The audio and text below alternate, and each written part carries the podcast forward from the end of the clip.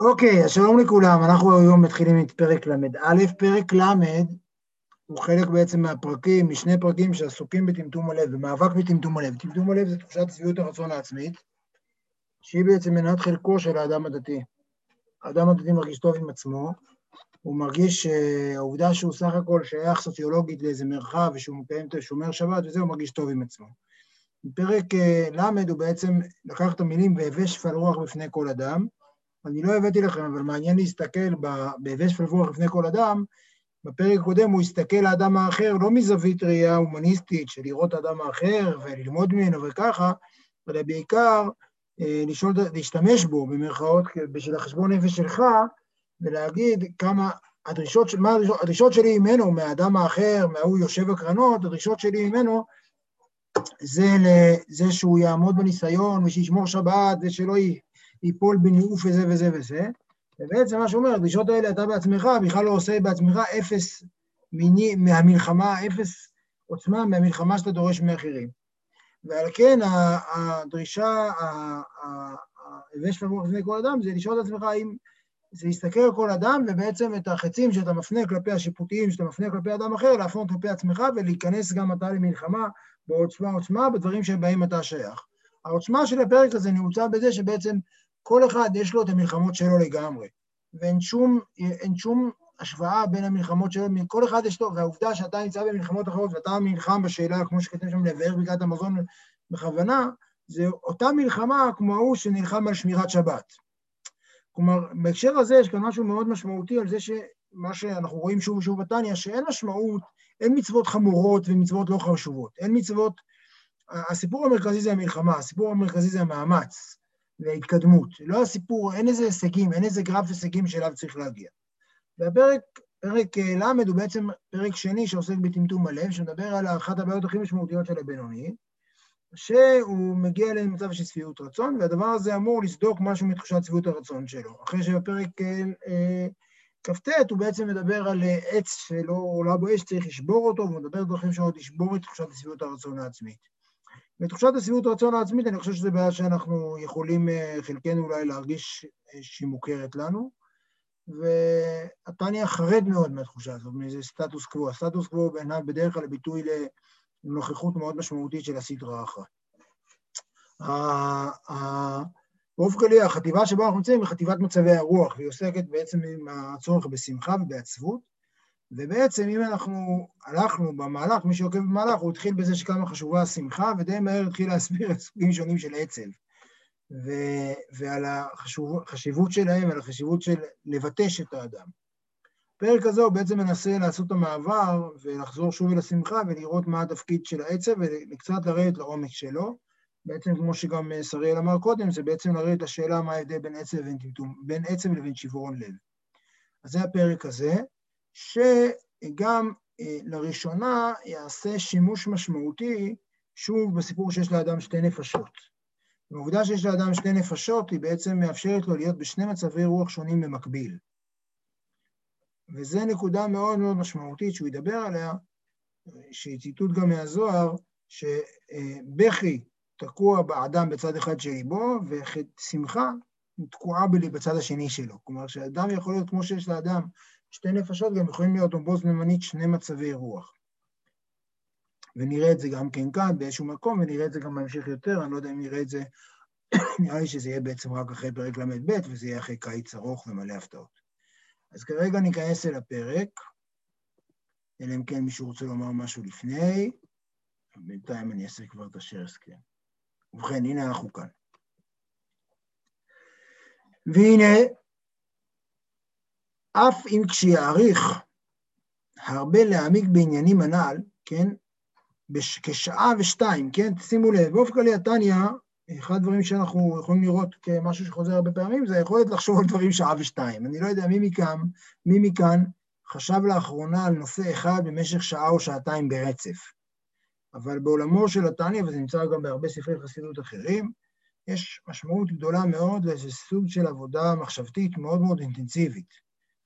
זה אפילו בא לידי ביטוי בהתבודדות של רבי נחמן, שאותו דבר, להיכנס לאיזה סוג של מצב שבו אתה מרוכז במשהו, ואני חושב שאנחנו, אנשים בני דורנו, יש לנו הרבה מה לבדוק, האם אנחנו, מתי אנחנו בכלל נותנים פוטנציאל לדבר הזה. אבל דמיינו שאדם שעה או שעתיים יושב ובאמת מעמיק בעניינים הנ"ל. כלומר, הוא לא עושה את זה דקה ואומר מה הוא צריך לחשוב, אלא הוא באמת שעה ושעתיים יושב ומסתכל על כל האנשים סביבו וחושב מה הוא חושב עליהם ועושה את ההיבש של הרוח בפני כל אדם, ואחרי שעה או שעתיים הוא נהיה בנמיכת רוח ולב נשבר. הוא ממש קורה, בן אדם מרגיש אפס. בן אדם מרגיש בנמיכת רוח ולב נשבר. עכשיו אני מזכיר, אמרנו קודם שהדבר הזה הוא הכי מסוכן. אמרנו בפרק כ"ו שהדבר הזה הוא מסוכן, בפרק כ"ז, כי בעצם ברגע שהאדם הוא, הוא עצוב, הוא מרגיש שהוא לא שווה כלום, אז ממילא אין לו שום יכולת לעשות גם דברים טובים, אין לו שום מוטיבציה, הוא מסומן כ- כחסר כוחות, ממילא הוא כבר מיואש. אה, בכל אופן, והנה אף אם כשיאריך הרבה להעמיק בעניינים הנ"ל, וכשעה ושתיים להיות בנמיכת רוח ולב נשבר, יבוא לידי עצבות גדולה. כן, העצבות גדולה כאן היא ברורה. הבן אדם מרגיש פתאום שאין לו כלום, שכל מה שהוא חשב שיש לו הוא לא שווה כלום. לא יחוש, אל תפחד מזה. ואף שעצבות היא מצד קליפת נוגה ולא מצד הקדושה. כי בצד הקדושה כתיב עוזר וחדווה במקומו, ואין השכינה שורה אלא מתוך שמחה, וכן דבר הלכה וכולי. כלומר, הוא אומר באופן כללי, ברגע שכל דבר שקשור לדכדוך ועצבות, הוא לא שייך לקדושה. קדושה היא תמיד דבר שיש בו עוז, הוא תמיד, אחד המאפיינים של קדושה זה שיש בה שמחה. אגב, זה דבר שהוא גם כן, למרות שאנחנו מדברים פה בשבח העצבות, עדיין רוב האנשים מזהים את הקדושה עם איזה דכדוך. וכאן הוא אומר בצורה חד משמעית, שהעצבות, העצבות היא לא מגיעה משם. העצבות היא מקליפת נוגה. כלומר, קליפת נוגה, אני מזכיר לכולנו שיש את הקדושה, את הצד הקדוש, ויש את הסטרא אחרא, ובאמצע, בתווך, יש שטח אה, שהוא הוא, הוא לא אפור, כי הוא יכול או להיות פה או להיות פה, אבל הוא שטח שאפשר להשפיע עליו. הוא קליפת נוגה, והוא יכול להיות טוב והוא יכול להיות רע. והעצבות היא בעצם משהו שיכול להיות טוב ויכול להיות רע. אה, אלא, ולכן אל תפחד. הוא כרגע אומר, למרות שאנחנו הולכים למהלך שהוא, אגב, הוא מהלך מתוכנן, אני מזכיר, עצבות לא מתוכננת, תכף נראה, הוא מתייחס לזה כאן, הוא אומר איך להשתמש בה. אבל באופן כללי, הוא תמיד יגיד שעצבות לא מתוכננת, שהיא סתמית, שפתאום אתה, אתה פתאום אתה מדוכדך, אם אתה, אלא אם כן אתה עושה עליה איזו מניפולציה שתכף נראה מהי, העצבות סתם היא כמעט תמיד ביטוי של הסטרה אחת. זה בעצם משהו של הכוח הכבידה, הנפש הבהמית שמושך אותך למטה. זה לא ביטוי ספונטני של הנפש האלוקית, הנפש האלוקית באופן כללי לא מופיעה בספונטניות. אלא שאם העצבות היא מילי דשמיא, היא מבחינת טוב שבנוגה. כן? למרות, אם העצבות, אתה עוסק בזה שאתה, וואלה, אתה לא בסדר בזה ובזה ובזה, ותראה כמה מעט אתה עובד את השם ולא כמו שחשבת, אז זה החלק הטוב שבקליפת נוגה. זה עדיין קליפה, אבל זה יכול להיות טוב בהקשר הזה שזה יכול ליצור טוב. ולכן כתב האריזל, שאפילו דאגת עוונות אינה ראויה כי אם בשעת וידוי, ולא בשעת התפילה ותלמוד תורה, שצריך להיות בשמחה שמצד הקדושה דווקא. כלומר, גם התפילה בנויה ככה, שיש רגע שבו אתה יכול להיות מדוכדך, שבו אתה יכול להיות עצוב מעוונותיך. אבל בשאר התפילה אסור לך לחשוב על זה, בשאר התפילה זה הפרעה, בשאר התפילה זו מחשבה זרה. ולכן הארי אמר, לכן זה, זה עדיין קליפת נוגה, זה אומנם החלק הטוב שלה, אבל בגלל שזה קליפת נוגה, אז אנחנו לא הופכים את זה למשהו חגיגה. לא כל התפילה אנחנו נהיה בלב נשבר כווידוי. וידוי זה אירוע ספציפי שבו מותר אה, רגע לתת אה, דרור לדכדוך הזה.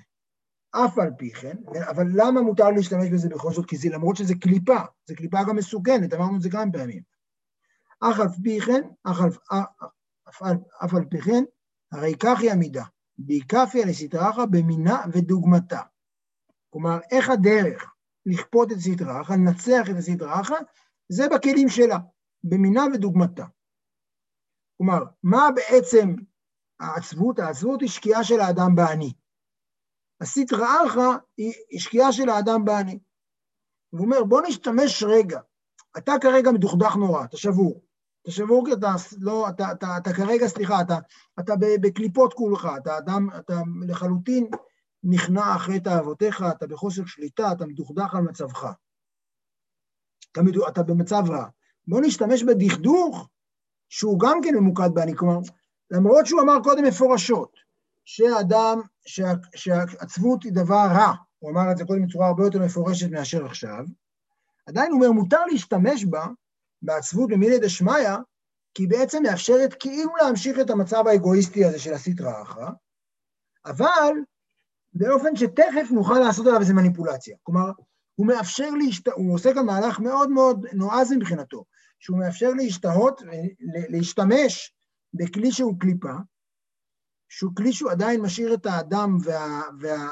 אתה עוסק בעצמך הרי, מה, אתה... מה זה העצבות הזאת? העצבות אומרת, אוי אוי אוי, כמה אני לא שווה. עכשיו, אדם שהוא בקדושה לא מעניין אותו כמה הוא שווה באמת, אבל אתה בעצם משתמש בעולם, ה, ב, ב, במדדים של העולם הסטרא אחרא, של כמה אני שווה ואוי כמה אני שווה, ואתה עושה את זה בקדושה. הוא כרגע מרשה רגע להשתמש בזה. כמאמר רבותינו זיכרונם לברכה. לא אמר, הוא לא אמר לפני כן שזה תרופה מאוד חזקה שחייבים להשתמש בה רק במינון מתאים ורק בזמנים מתאימים ואסור לתת לזה להשתלט עליך? הוא, זה, זה גם מה שהוא אומר כאן כרגע, בדיוק. זה מה שהוא אומר, אבל הוא עדיין אומר, הוא צריך להסביר למה מותר להשתמש בזה במינון קטן גם. אבל הוא כן כאן ייתן קצת דרור, תכף נראה, לספונטניות, תכף נראה מה הוא עושה עם עצבות ספונטנית.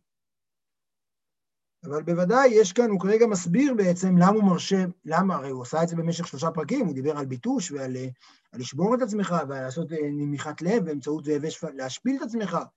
וכל המהלך הזה הוא צריך להסביר כרגע איך בעומק מותר להשתמש בזה. הוא בעצם מסביר אחורה. אבל עדיין לא מדובר כאן בהשתקעות, הרי גם התפילה עצמה, התפילה עצמה, לא יודע מה היא, 50 עמודים, מתוכם הוא מרשה עמוד וחצי להיות בדכדוך הזה, על זה מדובר. כמה אמר רבותינו זיכרונם לברכה, מיני ובי אבא לשדה בן ארגה. ופגע בו כיוצא בו. כלומר, יש פה, אני לא יודע איך מתרגמים את זה, אבל כאילו, התרגום מילה מילה, אבל באופן כללי, את העץ, את, ה, את הגרזן מכינים מהעץ של העצים. כלומר, את הכת של הגרזן, דמיינו, הכת של הגרזן עשויה מעץ, והיא בעצם זו שמסוגלת להפיל עצים. אז באותה מידה העצבות עשויה מהחומר שאותו היא נועדה להפיל, את הסטרא אחרא. ופגע בו כיוצא בו, כלומר הדרך לפגוע בסטרא אחרא, בהשתקעות של האדם בעצמו, זה לת... להשתמש בעצבות שהיא השתקעות של האדם בעצמו. הוא יסביר את זה בדיוק איך, מה, מה, מה, מה הסיפור כאן. ועל זה נאמר בכל עצב יהיה מותר. כלומר, שהוא אמר בפרק כ"ו, מותר להיות בכל עצב, זה זה. זה בגלל זה, בגלל שבעצם יש כאן אפשרות בעצם אה, להשתמש בעצבות עצמה, בהשתקעות של האדם בעצמו יותר, בשביל לסדוק את האדם עצמו. בשביל אחרי זה, עוד רגע נראה, והיתרון היא השמחה הבאה אחר העצב כדלקמן. אבל המטרה היא, בעצם, וזה גם המבחן, תכף נראה שזה המבחן של העצבות, שהעצבות היא בעצם, היא בקדושה יש בה, או קליפת נוגה של החלק הטוב של קליפת נוגה, זה שאחרי זה היא מעוררת שמחה. וכאן הוא יסביר את ההסבר המוכר, הסבר מאוד חשוב וקצת מוכר, באמת, אין לנשבר ומהיראות הנפש הרחוקה מאור פני השם והתלבשותה בסטרא אחרא נקראים בשם עצבות כלל. זה נראה דומה, הבן אדם במצב רוח, הוא נראה באותו מצב רוח, אבל זה בכלל לא אותו דבר, בלשון הקודש. כי עצבות היא שליבו מטומטם כאבן, ואין חיות בליבו. כן, האדם העצוב הוא אטום לגמרי, אין, אין, הוא, כבוי, הוא בדיכאון. אבל מרירות ולב נשבר, אדרבה, הרי יש חיות בליבו. להתפעל ולהתמרמר. כן, למרות שזה נראה אותו דבר, זה שני דברים אחרים לגמרי. פה זה משהו שהאנרגיה, הטורים, מאוד מאוד נמוכים בעצבות. מה זה, אתה יודע, דוד, כמה אנשים חיים מלהתמרמר? זה חיות מלאה. זה בדיוק מה שהוא אומר, הרי יש חיות בליבו להתפעל ולהתמרמר, הוא מסכים. מרמור זה באמת, הוא מזהה בזה אנרגיה גבוהה, נפח מנוע גדול. אבל זה חיות מבחינת גבורות קדושות. והשמחה מבחינת חסדים, כי הלב קרוב משתיהם. כלומר, אמנם הלב דלוק, אבל הלב דלוק באופן של גבורה ולא באופן של חסד. גבורה זה באופן של התכווצות, לא, זה לא שמחה שאדם סוהל ויוצא בעצמו, אבל זה עדיין, מבחינת הטמפרטורה, זו טמפרטורה גבוהה. ולכן הוא מזהה, הוא אומר, רגע, רגע, אני אומר עצב, אבל בעצם זה בכלל לא אותו דבר. זה לא עצב שמותר. העצב שמותר הוא, הוא שברון לב, לא טמטום כאבן. בעצם השברון לב נועד לפתוח את הטמטום של הלב כאבן. והמרמור וההתפעל, הרי יש חיות בליבו להתפעל ולהתמרמר, כן? אבל הלב שלו פועל, הלב שלו מתמרמר. אבל זה, זה, זה, זה שברון לב, זה חיות, זה לא אותו דבר. ולכן זה נראה דומה, אבל זה בכלל אותו דבר. ועדיין, והנה לעיתים, צריך לעורר בחינת גבורות הקדושות כדי להמתיק הדינים, שהם בחינת נפש הבהמית ועץ הרע, כששולט חס ושלום על האדם. כי אין הדינים נמתקים אלא בשורשם. יש פה מושג מאוד מאוד משמעותי בעולם הקבלה והחסידות, שזה המתקה. באופן כללי, יש כמה דרכים להמתיק משהו. אם המשל שמביאים הרבה מאוד פעמים, זה אפשר עם מאכלים. יש מאכלים שבשביל להמתיק אפשר בסוף לשים עליהם מלא מלא מלא מלא סוכר. ואז הם נהיים uh, מתוקים, אבל הם בעצמם נשארים uh, מלוכים ומרים, מה שזה לא יהיה. בשונה מזה יש מאכלים, אפשר לתת את זה כדוגמה של בצל, שהוא מאוד מאוד חריף, אבל כאשר מבשלים אותו, בישול, או מתגנים אותו הרבה זמן, הוא נהיה מתוק. כלומר, מצליחים המתקה בשורשה, יש המתקה בשורשה ויש המתקה שלא בשורשה. המתקה בשורשה היא בעצם לוקחת את הדבר עד היסוד שלו, ובתוך היסוד עושה, מבצעת בו היפוך. והדינים הללו, בעצם מה שהוא אומר כאן, כשאדם יש לו הנפש בהמית שולטת בו, הוא מציע כאן הצעה די מסוכנת מבחינתו. זה בעצם ללכת איתה, ללכת איתה ולהמתיק את הדינים בשורשם. באמצעות זה שאתה הולך עם העצבות. העצבות, אנחנו תכף נראה, עוד רגע נראה שהוא הולך עם העצבות. הוא מקבל, זה מתחיל מעצבות, זה עצבות סתם, העצבות המטומטמת, העצבות הכבדה. אתה הולך איתה ואתה הופך אותה, אתה יורד עוד למטה ואתה הופך אותה לשברון לב ומרמור, ואז דרך זה אתה תעלה אחרי זה לקדושה. אבל יש כאן מהלך של להתמסר לעצבות הזאת, וזה מאוד שונה באמת מהמנגינה של הפרקים הקודמים, אבל הוא בעצם מסביר כאן את, את הדבר שהוא כבר אומר כמה פרקים, איך עושים את זה, והוא כן מסביר את, ה, את, ה, את העומק של איך זה אפשרי ואיך זה מותר. ולכן אמרו רבותינו זיכרונם לברכה, לעולם ירגיז אדם יצר טוב, יצר טוב ויצר הרע. כלומר, לכן יש רגעים שבהם מותר, כאן כתוב לעולם, אבל הוא מתכוון לרגעים, שבהם מותר אה, אה, להשתמש וליצור תסיסה פנימית, תסיסה פנימית של שברון לב, בשביל לתקן את עצמך. והיינו בכל עת שרואה בנפשו שצריך לכך. כן, אתם רואים, יש פה, זה מאוד יפה, כתוב, חז"ל אמרו לעולם, והוא אומר בכל עת שרואה בנפשו שצריך לכך, כלומר, לא תמיד, לא לעולם. אבל זהו, זה היפוך קטן שעושה, לא נורא. אבל הוא בעצם אומר, מתי אתה, מתי תרגיז יותר טוב על עץ הערה? כאשר אתה רואה שנפשך צריכה את זה, אז תעשה את המהלך הזה שהוא בעצם המתקת הדינים בשורשם. הכשרת הכושר, שהיא שעה מיוחדת וראויה לכך לרוב בני אדם, היא בשעה שהוא עצב בלאו הכי מילי דעלמא. בדיוק מה שאמרנו, בעצם מה שאמרתי קודם. הרגע יש פה, מתי הוא אומר, יש אפשרות אחת, זה לעורר רגעים של שברון לב. זה יכול להיות בווידוי, זה יכול להיות בתיקון חצות, זה יכול להיות ברגעים שאדם עושה חשבון נפש, זה יכול להיות בכל מיני רגעים כאלה. הוא אומר, אבל, מתי אתה יכול? שאתה בין כה וכה נהיה במצב רוח שפוף. שאתה מבואס, אתה מבואס על זה שלא קיבלו אותך לא משהו, אתה מבואס על זה ש... על... שדפקת את האוטו, או אתה מבואס לפאנצ'ר, תבואס על מה שאתה רוצה, שאתה מבואס. והבאסה הזאתי, תשתמש במצב רוח המדוכדך הזה. אל ת... הוא כלומר אומר, בוא, והוא עושה כאן מהלך שהוא מאוד חסידי בבית הזה, שתזרום רגע עם הסיטואציה. תקבל רגע את הרגש שלך. ואז תשתמש בזה, ושעה מיוחדת והוא לך עכשיו בן אדם, בשעה שהוא עצב בלאו הכי ממי לדעלמא. או כך בלי שום סיבה, כן, הוא אפילו לא, הוא לא יודע למה, סתם קם ביום מבואס. אזי היא שעת הכושר להפך העצב להיות מהרד יחוש בן הענן. כלומר, אתה כרגע, המהלך שאתה עושה, אתה הולך עם העצבות. אתה הולך עם העצבות, ולא, קודם כל את העצבות, אתה לא אומר, טוב, לא משנה, אני לא אהיה עצוב, אני אהיה בשמחה תמיד, אלא אתה עושה את זה לחשבון נפש. מה, מה קרה לי ביום האחרון, מי אני, מה אני, מה, עושה חשבון נפש. ואז אתה מקיים מאמר, את המאמר חז"ל לעולם הרגיז וכולי, כנ"ל. ומה יפה פה? ובזה ייפטר מהעצבות של מילי ידי עלמא. כלומר, אתה הופך מהעצבות של סתם פאנצ'ר, אתה הופך את העצבות לפאנצ'ר או עצבות סתם דכדוך של יום רביעי, אתה הופך את זה לעצבות שקשורה לזה, וואי, כמה אני רחוק מהשם.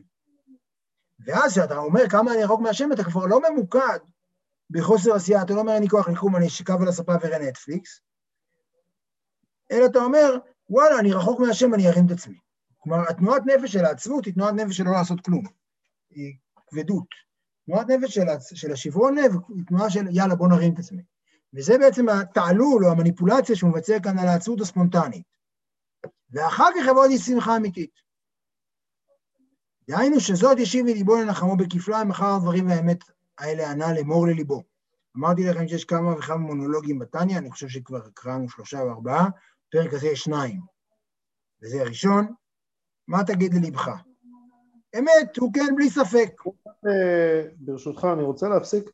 הוא דיבר על המתקת הדינים, זאת אומרת שאתה לוקח משהו, ועל ידי זה שאתה מגיע לשורש שלו, אתה יכול להמתיק אותו בשורשו.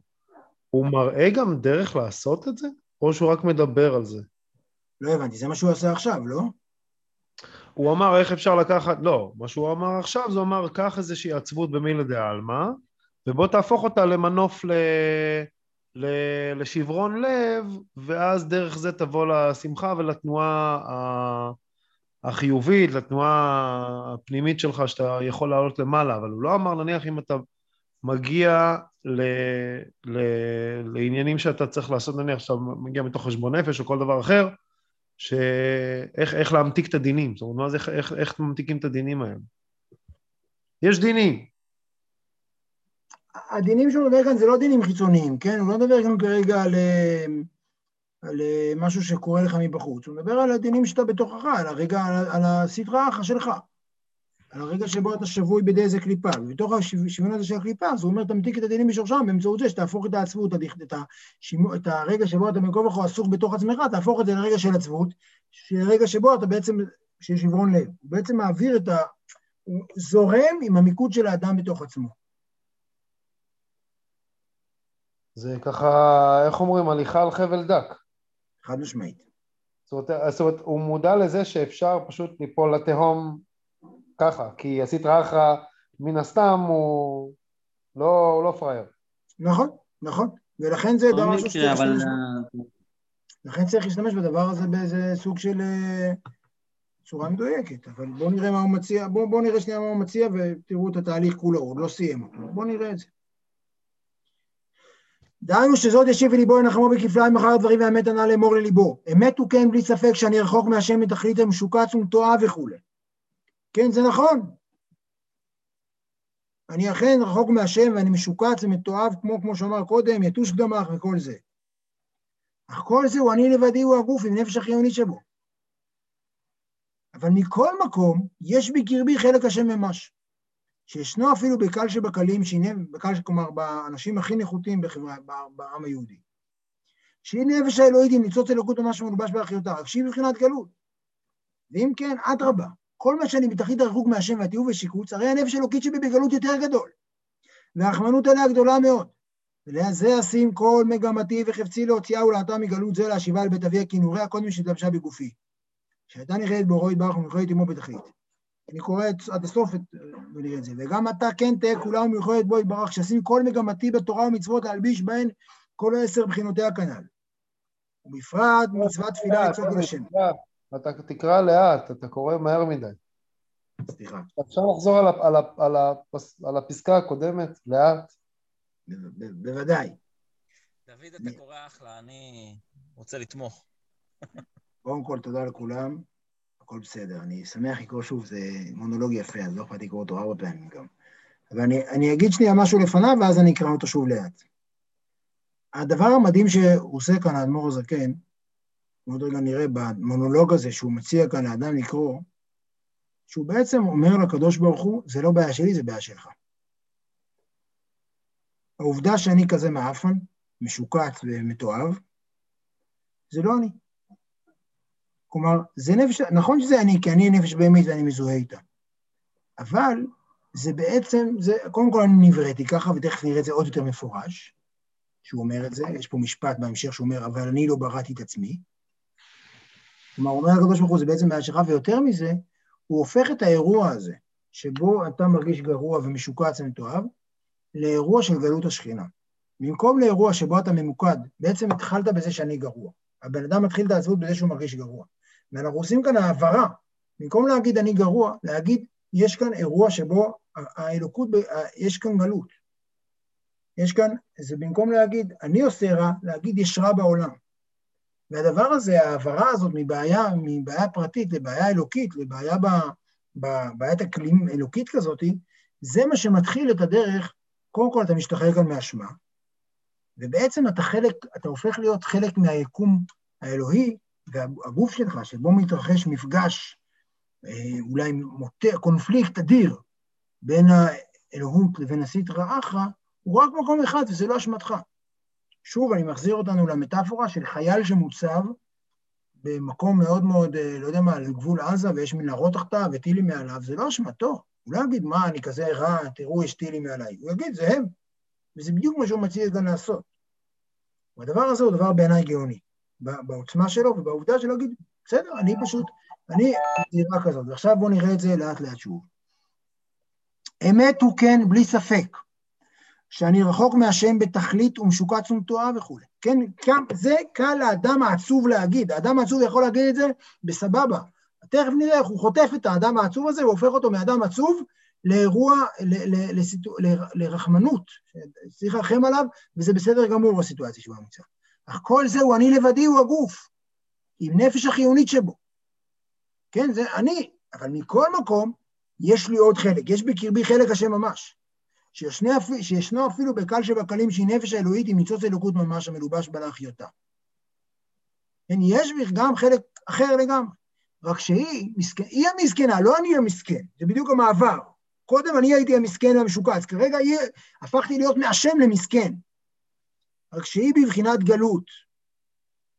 ואם כן, אדרבה, כל מה שאני בתחית הריחוק מהשם והתיעוב ושיקוץ, הרי נפש האלוהית שלי בגלות גדול יותר, והרחמנות עליה גדולה מאוד. כלומר, אתה חושב שאתה מסכן, הנפש האלוקית שלך פי אלף מסכנה. היא נמצאת בבעיה הרבה יותר חמורה. ואז אני בעצם, קודם כל, אני מוריד, הופך להיות מהשם לקורבן. ואני הופך להיות מאירוע פרטי לאירוע עולמי, שבו יש כרגע, אני, אני נמצא במקום שבו יש את ההתנגשות הכי, הכי, הכי, הדכדוך הזה, הוא בעצם, אני מבטא, אני נותן, אני עושה, פורץ לחדשות, במבזק חדשות זה, שפה יש את האירוע הכי דרמטי בעולם עכשיו. ולכן, אני עכשיו, מבצע אנטבה, מחלץ את הנפש הזאת בגלות. ולזה אשים כל מגמתי וחפצי להוציאה ולהעותה מגלות זה, להשיבה לבית אביה כנעוריה. כן, את הנפש האלוקית. קודם שהיא מתלבשה בגופי, שהייתה נכלאת באורו ידבח ומלכו יומו בתכלית. כן, הנפש האלוקית הרי, פעם הייתה לגמרי מאוחדת עם, עם הקדוש ברוך הוא, וכרגע אה, היא נמצאת אצלי, בגלות. מה שמזכיר לי שהיה, שבוע שעבר מישהו אה, אה, אמר לי איזשהו משפט, שהיה, לא זוכר מי, אבל מישהו שאמר לחברותא שלו, בואו ונלמד לעילוי נשמתנו. אז אותו, זה שאתה, יש לך נפש אלוקית שבגלות, ואתה צריך... בדיוק, ממש ככה, זה בדיוק הרעיון, וזה מה שהוא יגיד עכשיו. וגם אתה, כן תראה, כולם מיוחד מורך, שאשים כל מגמתי בתורה ומצוות להלביש מהן עשר כל בחינותיה כנ"ל, זה ממש לעילוי נשמתנו. ובפרט במצוות תפילה, מה, התפילה הופכת להיות כאן אירוע. לא שאני מתפלל, אלא שאני מחבר, אלא שאני מתפלל אל הנפש האלוקית שבי להוציאה מהגלות שלה. כלומר, אני לא, כאילו אני עומד מבחוץ אליי ורואה את, ה, את הנפש האלוקית המסכנה. ואז אני צועק על השם בצר לה מגלותה בגופי המשוקץ, אני מתפלל, תוציא אותה מכאן, תעזור לנפש האלוקית שלי. יש פה סוג של עשרה. להוציאה ממסגר ולדבקה בו יתברך, וזאת מבחינת תשובה מעשים טובים, שהם מעשים טובים שעושה כדי להשיב חלק השם למקורה ושורשה דכל עלמין, למקום ולשורש של כל העולמות. ופתאום יש כאן את ההיפוך הזה, ולכן הוא עושה כאן מהלך. אתה מתחיל עצוב, אתה הופך את העצבות הזאת לשברון לב, ואז אתה בעצם מתרחק והופך את, ה, את האירוע הזה מאירוע, שוב, אתה הופך להיות מאשם לקורבן, ל, ל, ל, ל, בוודאי ללא אשם, ואתה הופך את ה... אומר, נכון שאני כזה, אבל יש בי נפש אלוקית שלא מגיע לדבר הזה. ואני אעשה כל מה שאני יכול בשביל להוציא אותם משם. וזה נכון שאני משוקץ וטוב, אבל אני נשאר אותו דבר, זה לא משתנה. אבל אני אעשה מה שאני יכול, וזאת תהיה עבודתו כל ימיו בשמחה רבה. היא שמחת הנפש בצאתה מהגוף המתועב. מי שיגיד שבעל התניא לא רואה בגוף קדושה יכול למצוא פה בהחלט אה, כמה מקומות, היום מסתכלים על זה קצת אחרת, אבל לא משנה. ושבה אל בית אביה כנעוריה בשעת התורה והעבודה. כן, אתה, כל עוד היית מדוכדך כמה אתה דפוק, עכשיו תהיה, תהיה, תשמח כמה אתה מצליח מתוך המקום הכי דפוק להציל את השבויים והנעדרים. וכמאמר רבותינו זכרם לברכה להיות כל ימיו בתשובה, כן, זה לא, זה כל ימיו בתשובה, כל הימים אתה עסוק להשיב את, ה, את, ה, את הנערה הזאת, את, ה, את הבת איש כהן לפי הדימוי הזה של שבה אל בית אביה כנעוריה, ואתה אה, מנסה להחזיר אותה כל הזמן. ואין לך שמחה גדולה כצאת מהגלות והשביה. כמשל בן המלך שהיה בשביה וטוחן בבית האסורים ומנוול באשפה, ויצא לחופשי אל בית אביו המלך. זה בעצם מה שאתה עושה. בעצם אתה הופך כאן ממצב של דכדוך נוראי על מי שאתה, לשמחה על החלק של מה שאתה עושה לנפש אלוקית, גם אם זה חלקי מאוד. ואף שהגוף עומד בשיבוצו וטיובו, כן? הגוף נשאר אותו דבר, אתה נשאר דרק. אבל בתוך הדרק הזה אתה עדיין, אתה עדיין מצליח לעשות אה, רגעים משמעותיים שבהם אתה מצליח להוציא את הבן מלך שטוחן בבית האסורים, ועומד שם ומסתובב ומיליון פעמים טוחן קמח, אתה מצליח לעשות לו רגעים שבהם אתה מחבר אותו אל אביו. כמו שכתוב בזוהר, נקרא מישחא דחיביא, אור הנחש, הגוף נקרא אור הנחש, שבעצם הוא עוטף את הנפש האלוקית. כי מהותה ועצמותה של הנפש בהמית לא נהפך לטוב להיקרא בקדושה מכל מקום, להיקרא בקדושה. כלומר, הנפש הבהמית תישאר אותו דבר, אתה לא צריך להיות מדוכדך ממנה. זה בסדר גמור שהנפש בהמית נשארת באותו סטטוס. אתה לא צריך להיות מדוכדך מזה. מכל מקום, עיקר נפשו בעיניו לשמוח בשמחתה יותר מהגוף הנבזה. שלא לערבב ולבלבל שמחת הנפש בעצבון הגוף. כלומר, מי שמבואס על מצבו, נכון, הגוף צריך להיות מבואס, העובדה שאתה מבואס ושבור לב על מצבך הנמוך ועל אשמתך הנוראית, בסדר גמור. זה נכון, אבל תשמח על הרגעים שבהם אתה מצליח לחבר את בן המלך עם, את, ה, את הנפש האלוקית עם אלוהים. והנה בחינה זו היא בחינת יציאת מצרים. יציאת מצרים, שנאמר כי, בא, כי ברח העם. העם לא יוצא ממצרים באופן יפה ומסודר, הוא בורח, בחיפזון. זה משהו מאוד מאוד עקרוני ביציאת מצרים. באמצע הלילה וגונב כלים. לכאורה הוא תמוה, למה הייתה כזאת? וכאילו אמרו לפרעה לשלחם לחופשי לעולם, למה מוכרח לשלחם? כן, הקדוש ברוך הוא יכל לפקוד על פרעה להוציא, והוא היה מוציא. הרי כל הסיפור הזה של להכביד את ליבו זה דבר לא מובן. אבל מה הייתה הבעיה? הבעיה לא הייתה פרעה, הבעיה לא הייתה פרעה, הבעיה הייתה נפשות ישראל, אלא מפני שהרע שבנפשות ישראל עדיין היה בתוכו בחלל השמאלי. כי לא פסקה זו המתה עד מתן תורה. כלומר, בעצם היציאה מהר והבריחה לא הייתה בגלל פרעה. פרעה לא היה הבעיה. הבעיה הייתה הנפש הבהמית של ישראל, שהיא הייתה מזוהמת, כמו שהוא כותב כאן. ובגלל שהיא הייתה מזוהמת, הם היו צריכים לצאת בבת אחת. כלומר, את הגוף בעצם, הם כאילו, הם התעלמו ממנו. הבריחה פה היא בריחה בלא להקשיב לגוף. ובעצם יש פה את הפיצול שהוא מציע כאן להפוך אותו לפיצול של מצב רוח. היציאת מצרים קוראת לנפש אלוקית. לא כולך תחווה יציאת מצרים, זה בסדר גמור. ביצ... ב... תכף נראה, בגאולה השלמה יהיה משהו אחר. אבל בגאול... בעולמו של הבינוני, יציאת מצרים תמיד תהיה יציאה רק של נפש אלוקית. והעובדה שחצי ממך נשאר בתוך עולם, בתוך מצרים, בתוך מקום צר ועלוב ונורא, זה בסדר גמור. אה, כי לא פסקה זו המתה במתן תורה, אך מגמתם וחפצם הייתה לצאת נפשם האלוהית מגלות הסדרה אחת תאומת מצרים. ולדבקה בו יתברך, כן?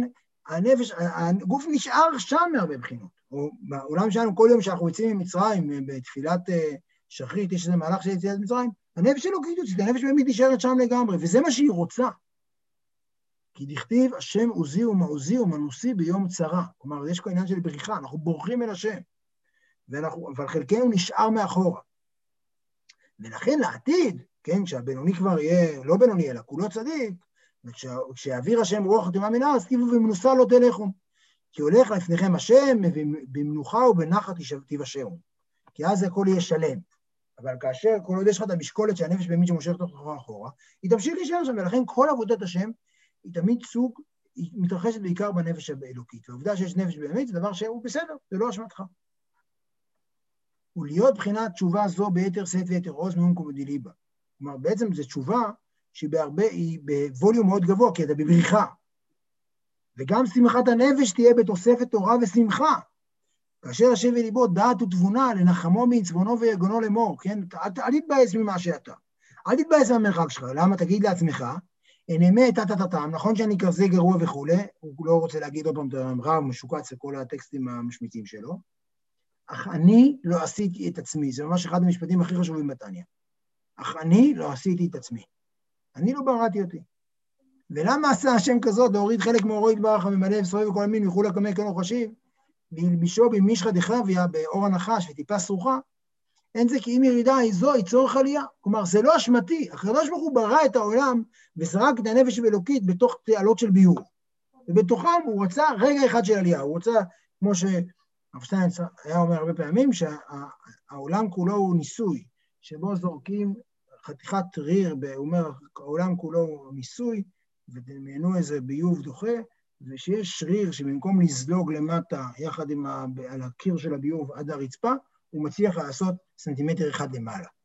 פתאום נגד, משהו, צעד אחד נגד כוח הכבידה. וזו המטרה של הכל. אין צריכים ירידה זו לצורך עליה להעלות השם כל נפש החיונית הבהמית, כלומר, שמקליפת נוגה וכל יבושיה הם עכשיו, מבחינת מחשבה, דיבור ומעשה של הדאית הפשוטה, ומעשה דיבור ומחשבת התורה. כלומר, מה המטרה של כל זה? המטרה של כל זה שתעשה מצוות עם הנפש האלוקית, עם הנפש הבהמית.